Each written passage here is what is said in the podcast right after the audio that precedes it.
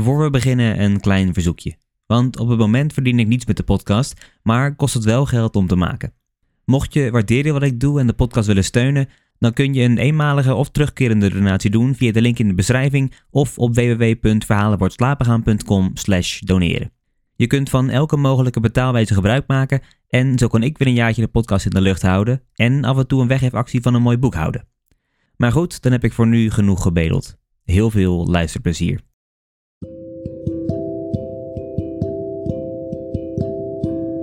Hallo allemaal en welkom. Mijn naam is Mike en in deze aflevering lees ik de gedaantewisseling voor van Frans Kafka. Dit is Verhalen voor het slapen gaan.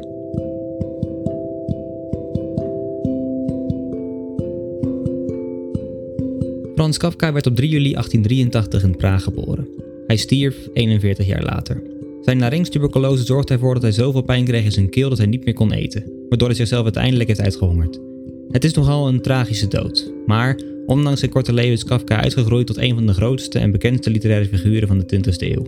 Had hij langer geleefd, wie weet wat hij dan nog allemaal had kunnen schrijven. Het is gezien zijn beroemdheid opvallend dat er tijdens zijn leven maar weinig van hem is gepubliceerd. Hier en daar schreef hij wat dat in literaire tijdschriften belandde, maar ook daar kreeg het eigenlijk maar weinig aandacht. In zijn testament had Kafka aan zijn vriend opgedragen om alle manuscripten en werken die nog onaf waren te vernietigen. Maar Max Brod negeerde deze wens en publiceerde alsnog een groot deel van wat Kafka allemaal geschreven had. Dit zorgde wel voor problemen voor Brood, aangezien Kafka vaak in verschillende notitieboekjes in één werk schreef. Het was dus de taak van Max Brod om het allemaal chronologische volgorde te zetten en publiceerbaar te maken.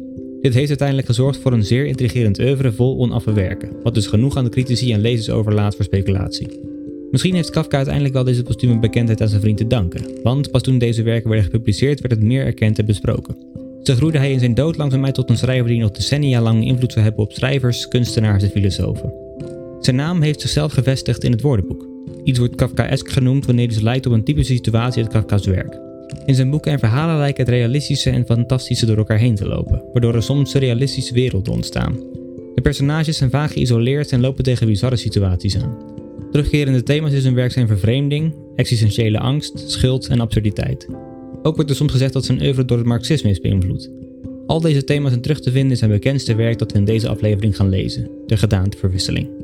Het verhaal werd in 1915 in een literair tijdschrift gepubliceerd en is dus ook een van de verhalen die helemaal af zijn. Het gaat over Gregor Samsa, een verkoper die op een dag wakker wordt en zichzelf niet in zijn oorspronkelijke lichaam vindt. Hij blijkt te zijn getransformeerd in een enorm insect. Nadat hij eerst opnieuw om moet leren gaan met zijn lichaam, weten zijn ouders niet wat ze met hem moeten. Ik wil van tevoren niet al te veel zeggen over de inhoud. Het is veel leuker om mezelf te ontdekken, dus ik ga gewoon beginnen met lezen. Het boek is opgedeeld in drie delen, en zo zal ik dus ook dit verhaal in drie delen voorlezen. Hier komt het eerste deel. Dit is De Gedaanteverwisseling van Frans Kafka.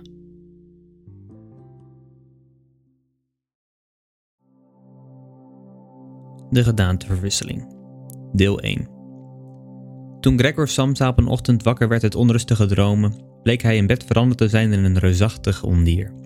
Hij lag op zijn rug, die hard was als een schild en zag, als hij zijn hoofd een beetje optilde, zijn gewelfde, bruine en door boogvormige versterkingen gedeelde buik, die zo hoog was dat de deken, die er bijna helemaal vanaf gleed, er nauwelijks nog op kon blijven liggen. Zijn vele, vergeleken met zijn verdere omvang jammerlijk dunne beentjes, glinsterden hulpeloos voor zijn ogen. Wat is er met me gebeurd, dacht hij. Het was geen droom.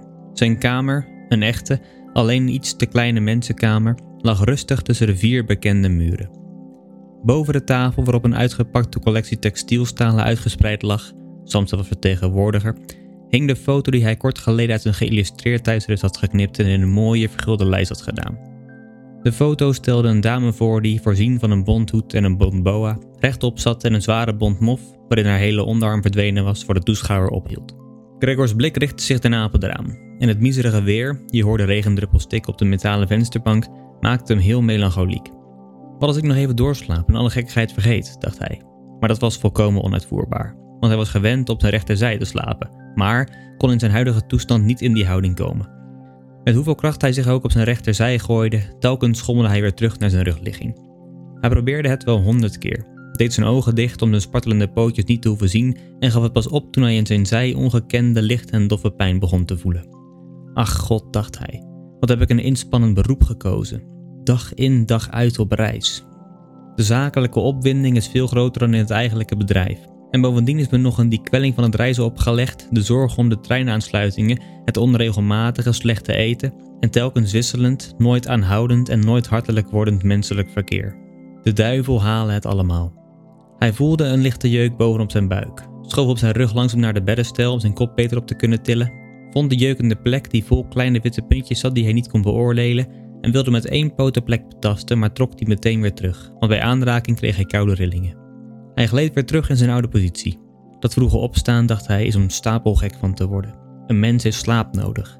Andere vertegenwoordigers leven als haremvrouwen. Wanneer ik bijvoorbeeld in de loop van de ochtend terugga naar de pension om de gekregen opdrachten te noteren, zitten die heren pas aan een ontbijt. Dat zou ik bij mijn basis moeten proberen. Ik zou op staande voet ontslagen worden. Wie weet trouwens of dat niet heel goed voor me zou zijn. Als ik me niet inhield vanwege mijn ouders, had ik al lang ontslag genomen. Dan was ik naar de baas gegaan om hem uit de grond van mijn hart te zeggen hoe ik erover dacht. Dan was hij waarschijnlijk van zijn verhoging gevallen. Het is ook raar om op een verhoging te gaan zitten en uit de hoogte met een personeelslid te praten dat wegens de slechthorendheid van de baas bovendien heel dichtbij moet gaan staan. Nou, de hoop is nog niet helemaal opgegeven. Heb ik eenmaal het geld bij elkaar om de schuld van mijn ouders aan hem af te betalen, dan zou nog een jaar of vijf, zes kunnen duren, dan doe ik dat beslist. Dan wordt de grote stap gezet. Maar voorlopig moet ik opstaan, want mijn trein gaat om vijf uur. Hij keek op de wekker die op de kast stond te tikken. Goeie god, dacht hij. Het was half zeven en de wijzers draaiden rustig door. Het was zelfs al over half en bijna kwart voor. Was de wekker niet afgegaan? Hij zag vanuit zijn bed dat hij goed op vier uur was gezet. Hij was vast en zeker ook afgegaan. Ja, maar was het mogelijk om rustig door het meubelschuddende bellen heen te slapen? Nou, rustig had hij wel niet geslapen, maar waarschijnlijk des te vaster. Maar wat moest hij nu doen? De volgende trein ging om 7 uur. Om die te halen zou hij zich als een bezetene moeten haasten. En de collectie was nog niet ingepakt. En hij zelf voelde zich allesbehalve fris en soepel. En zelfs als hij de trein haalde, was een donderpreek van de baas niet te vermijden. Want de man van de zaak had bij de trein van 5 uur staan wachten en zijn absentie al lang doorgegeven. Het was een onderkruiper bij de baas, zonder ruggengraat en verstand. En als hij zich ziek meldde, dat zou uiterst pijnlijk en verdacht zijn, want Gregor was in de vijf jaar dat hij er werkte nog niet één keer ziek geweest. De baas kwam vast en zeker met de ziekenfondsarts. Hij zou zijn ouders verwijten maken over een luie zoon en alle bezwaren naar zich neerleggen door te wijzen naar de ziekenfondsarts, voor wie er altijd alleen maar kerngezonde, maar werkschuwe mensen bestonden. En zou hij in dit geval trouwens helemaal ongelijk hebben? Gregor voelde zich inderdaad, afgezien van een na zijn lange slaap echt overbodige slaperigheid, heel goed en had zelfs een flinke trek. Toen hij dit in de haast allemaal lag te overleggen zonder te kunnen besluiten zijn bed uit te komen, de wekker sloeg net kwart voor zeven, werd er voorzichtig aan de deur bij het hoofdeinde van zijn bed geklopt. Gregor, werd er geroepen. Het was zijn moeder. Het is kwart voor zeven, wou je niet weg? Die zachte stem.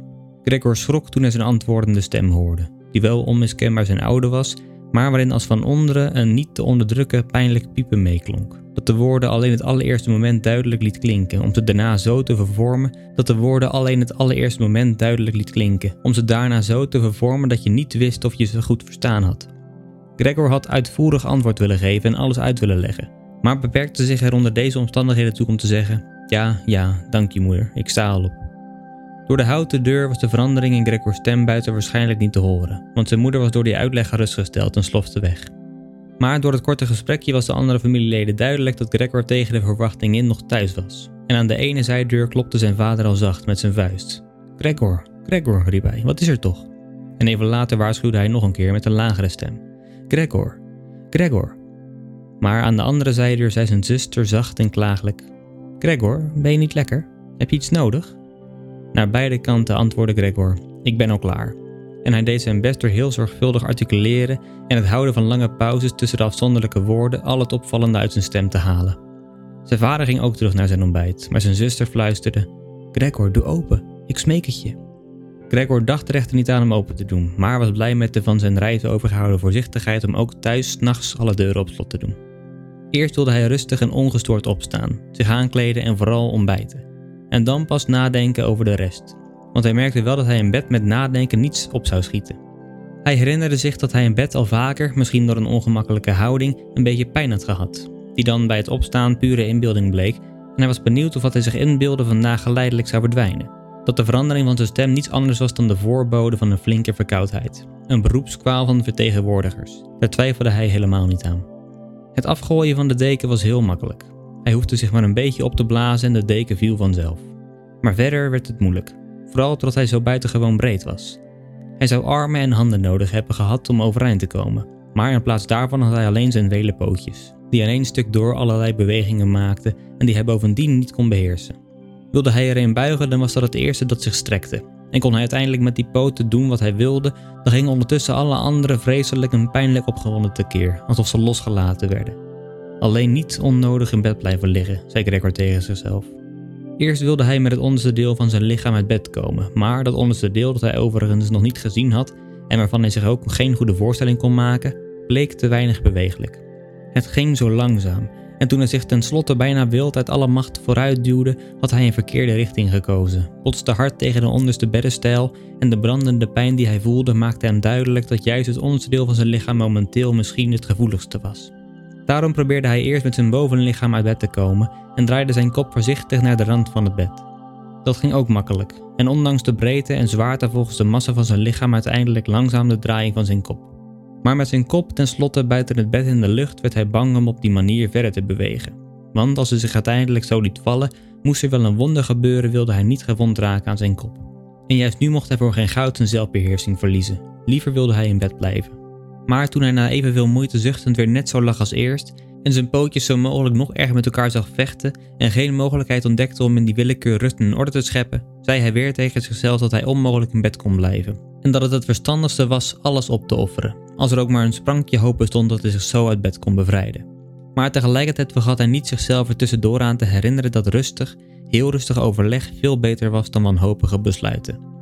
Op zulke momenten richtte hij zijn ogen zo scherp mogelijk op het raam, maar jammer genoeg kon hij uit de aanblik van de ochtendnevel die zelfs aan de overkant van de smalle straat verhulde, weinig vertrouwen en opgewektheid halen. Zeven uur al, zei hij bij het opnieuw slaan van de wekker tegen zichzelf. Zeven uur al en nog steeds zo'n nevel. En hij bleef even rustig en weinig ademhalend liggen, alsof hij van de volledige stilte misschien de terugkeer van de echte en vanzelfsprekende realiteit verwachtte. Maar daarna zei hij tegen zichzelf: voor het kwart over zeven slaat moet ik echt helemaal uit bed zijn.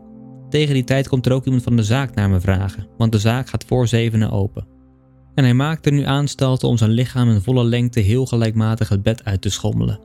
Als hij zich op die manier uit bed liet vallen, bleef zijn kop, die hij bij de val snel omhoog wilde bewegen, waarschijnlijk ongedeerd.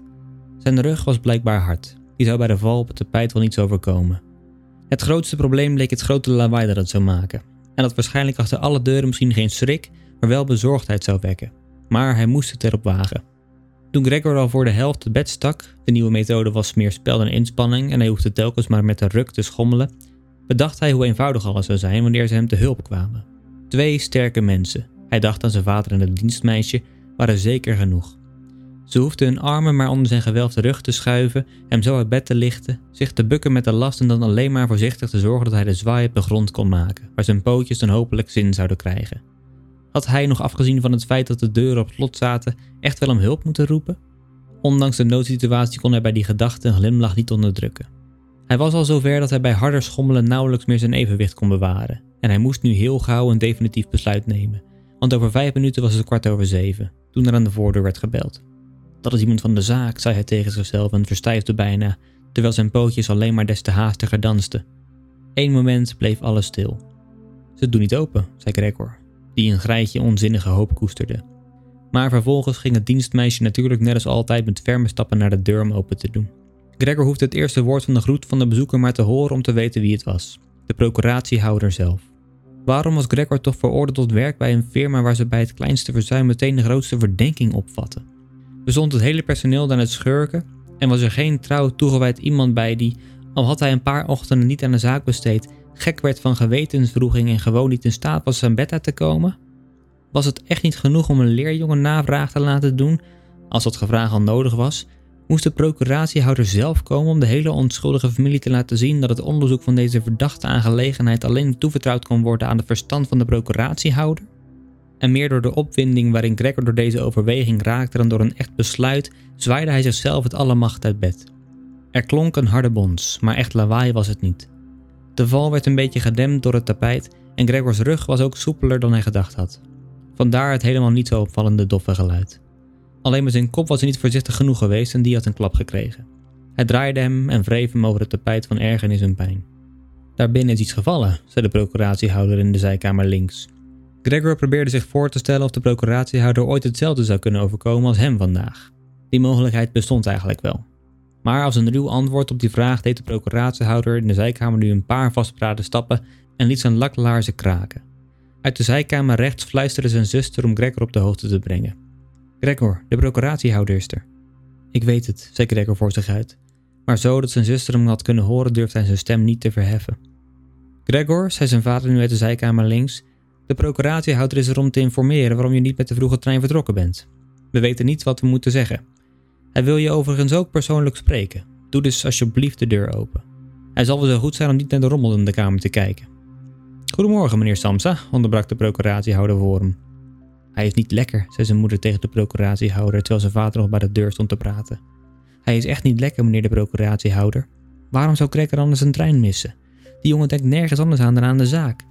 Ik erger me bijna aan dat hij s'avonds nooit uitgaat. Hij is nu toch acht dagen in de stad, maar elke avond is hij thuis. Dan zit hij bij aan tafel stilletjes de krant te lezen of het spoorboekje te bestuderen. Het is voor hem al verstrooiing wanneer hij aan het figuurzagen is. Hij heeft bijvoorbeeld in twee, drie avonden de tijd een lijstje gesneden. U zult verbaasd staan hoe mooi het is. Het hangt in de kamer. U ziet het straks wel als Gregor open doet. Ik ben trouwens blij dat u er bent, meneer de procuratiehouder. Wij alleen hadden Gregor niet zo ver gekregen dat hij de deur opendeed. Hij is zo koppig en hij is vast niet lekker, als hij vanochtend van wel. Ik kom zo, zei Gregor langzaam en bedaard en verdoorde zich niet, om geen woord van het gesprek te missen. Anders kan ik het ook niet verklaren, mevrouw, zei de procuratiehouder. Hopelijk is het niets ernstigs.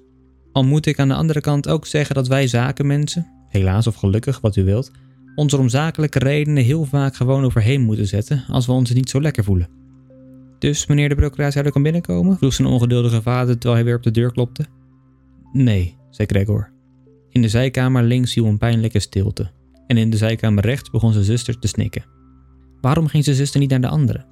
Ze was waarschijnlijk niet pas opgestaan en zich nog niet aan gaan kleden. Maar waarom helde ze dan? Omdat hij niet opstond en de procuratiehouder niet binnenliet? Omdat hij gevaar liep zijn baan kwijt te raken? En omdat de baas zijn ouders dan weer zou achtervolgen met de oude eisen? Dat waren voorlopig waarschijnlijk onnodige zorgen. Gregor was nog hier en dacht er absoluut niet aan om bij zijn familie weg te gaan. Op het ogenblik lag hij wel op het tapijt en niemand die zijn toestand kende zou serieus van hem verwachten dat hij de procuratiehouder binnenliet. Maar om die kleine onbeleefdheid, waarvoor later makkelijk een passend excuus te vinden zou zijn, kon Gregor toch niet meteen ontslagen worden. En Gregor had het idee dat het heel verstandiger was hem nu met rust te laten dan hem met huilen en aandringen te storen. Maar het was juist de onzekerheid die de anderen benauwde en een excuus was voor hun gedrag. Meneer Samsa, riep de procuratiehouder nu met stemverheffing, wat is er toch aan de hand? U sluit zich op in uw kamer, antwoordt alleen maar met ja en nee. U maakt het uw ouders onnodig moeilijk en u verzuimt, maar dit terzijde, uw zakelijke plichten eigenlijk op een ongehoorde manier. Ik spreek hier namens uw ouders en uw baas en vraag u dringend een ogenblikkelijke en duidelijke uitleg. Ik sta stom verbaasd. Ik dacht u te kennen als een rustig en verstandig man en nu begint u opeens raar te doen. De baas kwam vanochtend wel met een mogelijke verklaring voor uw verzuim, namelijk het incasso dat u sinds kort is toevertrouwd, maar ik verzekerde hem bijna op mijn erewoord dat die verklaring niet kon kloppen. Maar nu zie ik hier uw onbegrijpelijke koppigheid en heb echt geen zin meer om ook maar enige moeite voor u te doen. En u hebt echt geen vaste betrekking. Ik was oorspronkelijk van plan u dat allemaal onder vier ogen te zeggen, maar omdat ik hier u mijn tijd sta te verdoen, weet ik niet waarom mijn ouders het ook niet zouden mogen horen. Uw prestaties zijn de laatste tijd heel onbevredigend geweest. Het is nu niet het seizoen voor bijzonder goede zaken, dat herkennen we wel, maar een seizoen zonder zaken bestaat niet, meneer Samsa, dat mag niet bestaan. Maar meneer de procuratiehouder, riep Gregor buiten zichzelf terwijl hij zijn opwinding alle andere dingen vergat. Ik doe meteen ogenblikkelijk open. Ik voelde me niet zo lekker. Ik was duizelig en daardoor kon ik niet opstaan. Ik lig nog steeds in bed. Maar nu voel ik me weer prima. Ik kom net mijn bed uit, nog heel even geduld. Het gaat nog niet zo goed als ik dacht, maar ik voel me al beter. Wat kan een mens daar opeens last van krijgen? Gisteravond voelde ik me nog prima, dat weten mijn ouders wel. Liever gezegd, gisteravond voelde ik het al een beetje aankomen. Dat hadden ze toch aan me moeten zien. Waarom heb ik het niet op de zaak gezegd? Maar je denkt nu eenmaal altijd dat je er zonder thuisblijven wel overeenkomt. Meneer de procuratiehouder, houdt u een beetje rekening met mijn ouders. Voor alle verwijten die u me nu maakt is geen reden. Daar hebben ze ook geen woord over gezegd. U hebt de laatste orders die ik gestuurd heb misschien niet gelezen. Trouwens, ik neem nog de trein van 8 uur en die paar uur rust hebben me goed gedaan. Laat u niet ophouden, meneer de procuratiehouder. Ik ben straks zelf op de zaak en wees u zo goed om dat te zeggen, met de complimenten aan de baas. En terwijl Gregor dit allemaal haastig uitstoten en nauwelijks wist wat hij zei, was hij gemakkelijk, waarschijnlijk al door de in bed opgedane oefening, de kast gaan naderen en probeerde zich daar nu aan op te trekken. Hij wilde echt de deur open doen, zich echt laten zien en met de procuratiehouder praten. Hij wilde graag horen wat de anderen, die nu zo naar hem verlangden, bij zijn aanblik zouden zeggen. Zouden ze schrikken, dan droeg Gregor geen verantwoordelijkheid meer en kon gerust zijn. Maar zouden ze alles rustig accepteren, dan had hij ook geen reden om zich op te winden en kon, als hij zich haastte, echt wel om acht uur op het station zijn. Eerst gleed hij nu een paar keer van de gladde kast af, maar tenslotte maakte hij een laatste zwaai en stond rechtop. Op de pijn in zijn onderlijf lette hij helemaal niet meer, hoe brandend die ook was. Nu liet hij zich vallen aan de rugleuning van een stoel dichtbij hem, aan de randen waarvan hij zich met zijn pootjes vasthield. Daarmee had hij ook zijn zelfbeheersing terug en zweeg, want nu kon de procuratiehouder horen. Hebt u er ook maar één woord van begrepen? vroeg de procuratiehouder aan zijn ouders. Hij houdt ons vast en zeker voor de gek. In godsnaam, riep zijn moeder al in tranen. Hij is misschien ernstig ziek en wij kwellen hem. Grete, Grete, schreeuwde ze daarna. Ja, moeder, riep zijn zuster van de andere kant. Ze hadden contact via Gregors kamer. Je moet onmiddellijk naar de dokter. Gregor is ziek. Gauw naar de dokter. Heb je Gregor nu horen praten? Dat klonk als een dier, zei de procuratiehouder opvallend zacht tegenover het geschreeuw van Gregors moeder. Anna, Anna, riep zijn vader door de hal naar de keuken, terwijl hij zijn handen klapte. Meteen een slotenmaker halen. En de twee meisjes renden al met ruisende trokken door de hal en trokken de voordeur open. Hij hoorde de deuren helemaal niet dichtslaan. Ze hadden die zeker opengelaten, zoals vaak gebeurde in huizen waar een groot ongeluk gebeurd was. Maar Gregor was veel rustiger geworden. Ze verstonden zijn woorden weliswaar niet meer, al vond hij ze duidelijk genoeg, duidelijker dan eerst, misschien doordat zijn oren eraan gewend waren. Maar toch dachten ze nu dat hij niet helemaal in orde was en waren bereid hem te helpen. Het vertrouwen en de zekerheid waarmee de eerste maatregelen getroffen waren deden hem goed. Hij had het gevoel dat hij weer bij de mensen hoorde en verwachtte van beide, de dokter en de slotenmaker, zonder tussen hen eigenlijk een duidelijk verschil te maken, geweldige en verrassende prestaties. Om voor de komende beslissende bespreking een zo duidelijk mogelijke stem te krijgen, hoestte hij even door, terwijl hij zijn best deed om dat geheel gedempt te doen, omdat ook dat geluid misschien nog anders klonk dan menselijk gehoest, waar hij zelf niet meer over durfde te oordelen. In de zijkamer was het intussen heel stil geworden. Misschien zaten zijn ouders met de procuratiehouder aan tafel te fluisteren, of misschien stonden ze allemaal aan de deur te luisteren. Gregor schoof langzaam met de stoel naar de deur, liet hem daar los, liet zich tegen de deur vallen en hield zich daaraan overeind. De ballen van zijn pootjes kleefden een beetje en rustte daar even uit van de inspanning. Maar daarna maakte hij aanstalt om met zijn bek de sleutel in de slot om te draaien. Hij leek jammer genoeg geen echte tanden te hebben. Waarmee moest hij de sleutel dan pakken? Maar zijn kaken waren wel heel sterk. Daarmee kreeg hij de sleutel ook echt in beweging. En hij lette er niet op dat hij zonder twijfel iets beschadigde, want er kwam een bruine vloeistof uit zijn bek die over de sleutel droop en op de grond drupte. Luister eens, zei de procuratiehouder in de zijkamer. Hij draait de sleutel om.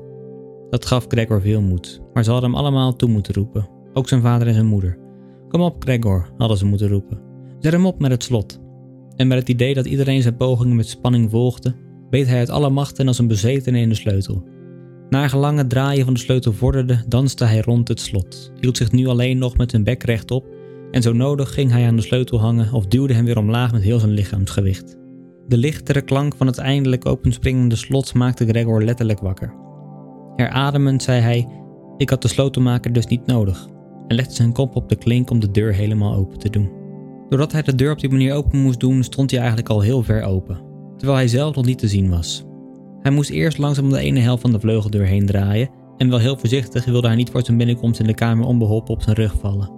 Hij was nog met die moeilijke beweging bezig en had geen tijd om op die andere dingen te letten, toen hij de procuratiehouder al een luid O uit hoorde stoten. Het klonk als windgeruis en nu zag hij ook hoe de procuratiehouder die het dichtst bij de deur zat, zijn hand voor zijn open mond sloeg en langzaam terugdeinsde, alsof hij verdreven werd door een onzichtbare, bestendige kracht. Ze stond hier ondanks de aanwezigheid van de procuratiehouder nog met haar losse, hoog overeindstaande haar van de nacht. Keek eerst met gevouwen handen naar zijn vader, liep daarna twee passen naar Gregor en viel te midden van de zich rondom haar uitspreidende rokken neer, met haar gezicht totaal onvindbaar op haar borst gezakt. Zijn vader balde met een vijandige uitdrukking zijn vuist, alsof hij Gregor in zijn kamer terug wilde stoten, keek vervolgens onzeker de huiskamer rond, hield daarna zijn handen voor zijn ogen en helde dat zijn brede borst ervan schudde. Gregor ging nu helemaal niet de kamer in, maar leunde van binnen tegen de vergrendelde deurhelft, zodat zijn lijf maar half te zien was, met daarboven zijn opzij gebogen kop, waarmee hij naar de andere loerde. Het was intussen veel lichter geworden. Heel duidelijk was aan de overkant van de straat een stuk te zien van het tegenoverliggende, eindeloze, donkergrijze gebouw. Het was een ziekenhuis, met de rijen ramen die een scherpe onderbreking vormden van de gevel. Het regende nog, maar alleen dikke en echt ook apart op de grond gegooide druppels. Er stonden nog heel wat ontbijtspullen op tafel, want voor zijn vader was het ontbijt de belangrijkste maaltijd van de dag, waar hij lezend in verschillende kranten urenlang over deed. Aan de muur recht tegenover hem hing een foto van Gregor uit zijn diensttijd, waarop hij als luitenant met zijn hand aan zijn degen, zorgeloos glimlachend, respect afdwong voor zijn houding en uniform. En doordat ook de voordeur open stond, kon hij naar buiten kijken naar het begin van de trap naar beneden. Nou, zei Gregor, en hij besefte dat hij de enige was die kalm had gebleven. Ik zal me meteen aankleden, de collectie bij elkaar pakken en vertrekken. Mag ik? Mag ik van jullie vertrekken?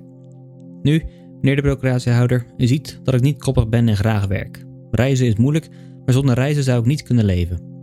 Waar gaat u naartoe, meneer de procuratiehouder? Naar de zaak, ja? Wilt u naar waarheid vertellen wat er allemaal gebeurd is? Ik kan op het ogenblik misschien niet werken, maar dan is dit het juiste moment om terug te denken aan mijn vroegere prestaties en te beseffen dat ik later, als de hindernissen uit de weg geruimd zijn, vast en zeker des te ijveriger en geconcentreerder zal werken. Ik ben de baas immers heel dankbaar, dat weet u best. Aan de andere kant heb ik de zorg voor mijn ouders en mijn zuster. Ik zit in het nauw, maar ik zorg ook wel dat ik er weer uitkom. Maar maakt u het me niet moeilijker dan nodig. Blijf op de zaak aan mijn kant staan. De mensen houden niet van vertegenwoordigers, ik weet het. Ze denken dat die een smak geld verdienen en een luizenleventje hebben. De mensen hebben gewoon geen bijzondere reden om goed over dat vooroordeel na te denken. Maar u, meneer de procuratiehouder, u hebt meer overzicht over de situatie dan de rest van het personeel. En als ik eerlijk moet zijn, zelfs meer overzicht dan de baas zelf, die zich als ondernemer makkelijk laat verleiden tot een negatief oordeel over een werknemer.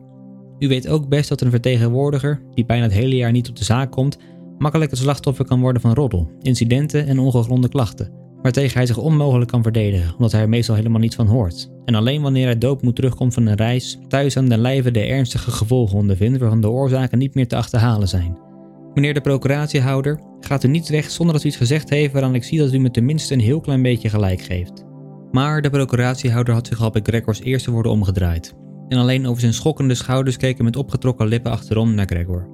En terwijl Gregor aan het woord was, stond hij geen moment stil, maar ging zonder Gregor uit het oog te verliezen naar de deur, maar heel geleidelijk, alsof er een geheim verbod bestond op het verlaten van de kamer. Hij was al in de hal en te oordelen naar de plotselinge beweging waarmee hij tenslotte zijn voet uit de huiskamer trok, had je kunnen denken dat hij juist een zol verbrand had. Maar in de hal stak zijn rechterhand ver voor zich uit naar de trap, alsof daar werkelijk bovenaardse verlossing wachtte. Gregor zag in dat hij de procuratiehouder in deze stemming in geen geval weg mocht laten gaan, wilde zijn betrekking bij de zaak niet ernstig in gevaar komen. Zijn ouders begrepen het allemaal niet zo goed. Die waren al die jaren gaan denken dat Gregor bij deze zaak hun hele leven onderdak was. En met hun huidige zorgen hadden ze het bovendien zo druk dat er bij hen geen sprake meer was van een vooruitziende blik. Maar Gregor keek wel vooruit. De procuratiehouder moest vastgehouden, gerustgesteld, overtuigd en tenslotte gewonnen worden. De toekomst van Gregor en zijn familie hing er immers vanaf. Was zijn zuster er maar. Zij was slim. Ze had al gehuild toen Gregor nog rustig op zijn rug lag. En de procuratiehouder, die vrouwenman, had zich vast wel door haar laten leiden. Zij had dan de voordeur dicht gedaan en zijn schrik eruit gepraat in de hal. Maar zijn zuster was er nu eenmaal niet en Gregor moest zelf handelen. En zonder te bedenken dat hij zijn huidige mogelijkheden om te bewegen nog helemaal niet kende, en zonder te bedenken dat ze zijn manier van praten misschien of waarschijnlijk weer niet verstonden, ging hij weg bij de vleugeldeur, schoof door de opening en wilde naar de procuratiehouder gaan, die zich al belachelijk met beide handen vasthield aan de balustrade voor de deur. Maar terwijl Gregor houvast zocht, kwam hij met een kleine schreeuw meteen weer op zijn vele bootjes terecht. Nauwelijks was dat gebeurd of hij voelde voor het eerst vanochtend een lichamelijk welbehagen. Zijn pootjes hadden vaste grond onder zich, ze gehoorzaamden volkomen, zoals hij tot zijn blijdschap merkte. Ze wilden hem zelfs dragen waarin hij wilde, en hij dacht al dat het leed straks definitief geleden zou zijn. Maar op het moment dat hij schommelend van ingehouden beweging, helemaal niet zo ver van zijn moeder af, recht voor haar op de grond lag, sprong zij, terwijl ze toch volkomen zichzelf verdiept leek, ineens op met haar armen wijd uitgestrekt en haar vingers gespreid en riep: Help! In godsnaam help! Ze hield haar hoofd gebogen, alsof ze Gregor beter wilde zien, maar rende als een kip zonder kop achteruit.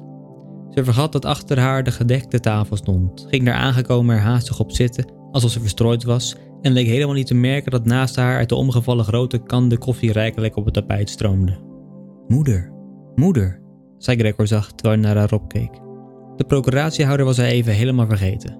Daarentegen kon hij het niet laten om bij de aanblik van de stromende koffie herhaaldelijk met zijn kaak in de lucht te happen. Daardoor gaf zijn moeder weer een schreeuw, vluchtte weg van de tafel en ziel zijn vader die haar tegemoet rende in de armen. Maar Gregor had nu geen tijd voor zijn ouders. De procuratiehouder was al op de trap en keek met zijn kin op de leuning nog een laatste keer achterom. Gregor nam een aanloop om er zeker van te zijn dat hij hem in kon halen. De procuratiehouder voelde waarschijnlijk al iets aankomen, want hij maakte een sprong over een paar treden tegelijk en verdween. Oeh, schreeuwde hij nog, en dat galmde door het hele trappenhuis. Jammer genoeg leek nu ook zijn vader, die zich nog vrij rustig had gehouden, door die vlucht van de procuratiehouder helemaal in de war te zijn. Want in plaats van de procuratiehouder achterna te gaan of Gregor in de achtervolging op zijn minst niet te hinderen, greep hij met zijn rechterhand de stok van de procuratiehouder, die de man met een hoed en overjas op een stoel had achtergelaten, pakte met zijn linkerhand de grote krant van tafel en begon Gregor voetstampen te zwaaien met de stok en de krant zijn kamer weer in te krijgen. Geen smeekbede van Gregor hielp. Geen smeekbede werd ook begrepen, al draaide hij nog zo deemoedig met zijn kop. Zijn vader stampte des te harder. Verderop had zijn moeder ondanks het koele weer een raam opengeduwd en terwijl ze naar buiten leunde, drukte ze haar gezicht ver uit het raam in haar handen. Tussen de straat en het trappenhuis begon het hart te tochten. De gordijnen vlogen op, de kranten op tafel ritselden en losse bladen waaiden over de vloer. Onverbiddelijk kwam zijn vader opzetten, terwijl hij als een wilde sissende geluiden uitstootte. Maar Gregor had toen nog helemaal geen ervaring met achteruitlopen en het ging echt heel langzaam. Als Gregor zich maar had kunnen omdraaien, was hij meteen in zijn kamer geweest. Maar hij was bang om zijn vader door de tijdrovende keren ongeduldig te maken. En elk moment dreigde hij nog een dodelijke klap van de stok in zijn vaders hand op zijn rug of op zijn kop. Maar uiteindelijk bleef er voor Gregor niets anders over, want hij merkte met ontzetting dat hij achteruitlopen niet eens koers kon houden. En daarom begon hij, telkens angstig opzij kijkend naar zijn vader, zo snel mogelijk, maar in werkelijkheid toch maar heel langzaam te keren. Misschien merkte zijn vader dat hij van goede wil was, want hij stoorde hem niet, maar dirigeerde zelfs nu en dan van verre de draaibeweging met de punt van zijn stok. Alleen was dat onverdraaglijke sissen van zijn vader er maar niet. Gregor werd er helemaal dol van.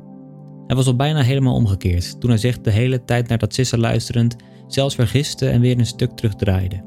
Maar toen hij gelukkig uiteindelijk met zijn kop voor de deuropening stond, bleek zijn lijf te breed om er zomaar doorheen te kunnen. Zijn vader kwam in zijn huidige toestand ook helemaal niet op het idee om de andere vleugeldeur open te doen en voor Gregor een opening te maken die ruim genoeg was. Voor hem was het belangrijkste alleen maar dat Gregor zo gauw mogelijk zijn kamer in moest.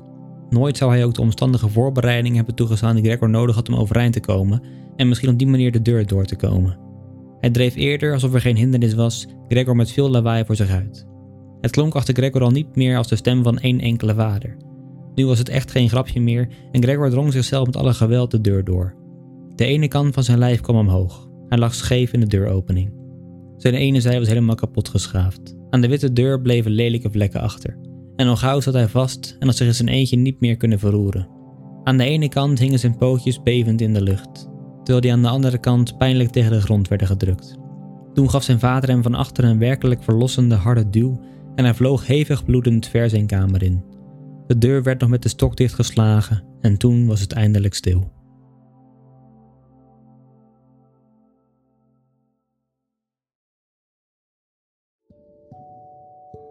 Dat was het eerste deel van Kafka's De Gedaanteverwisseling.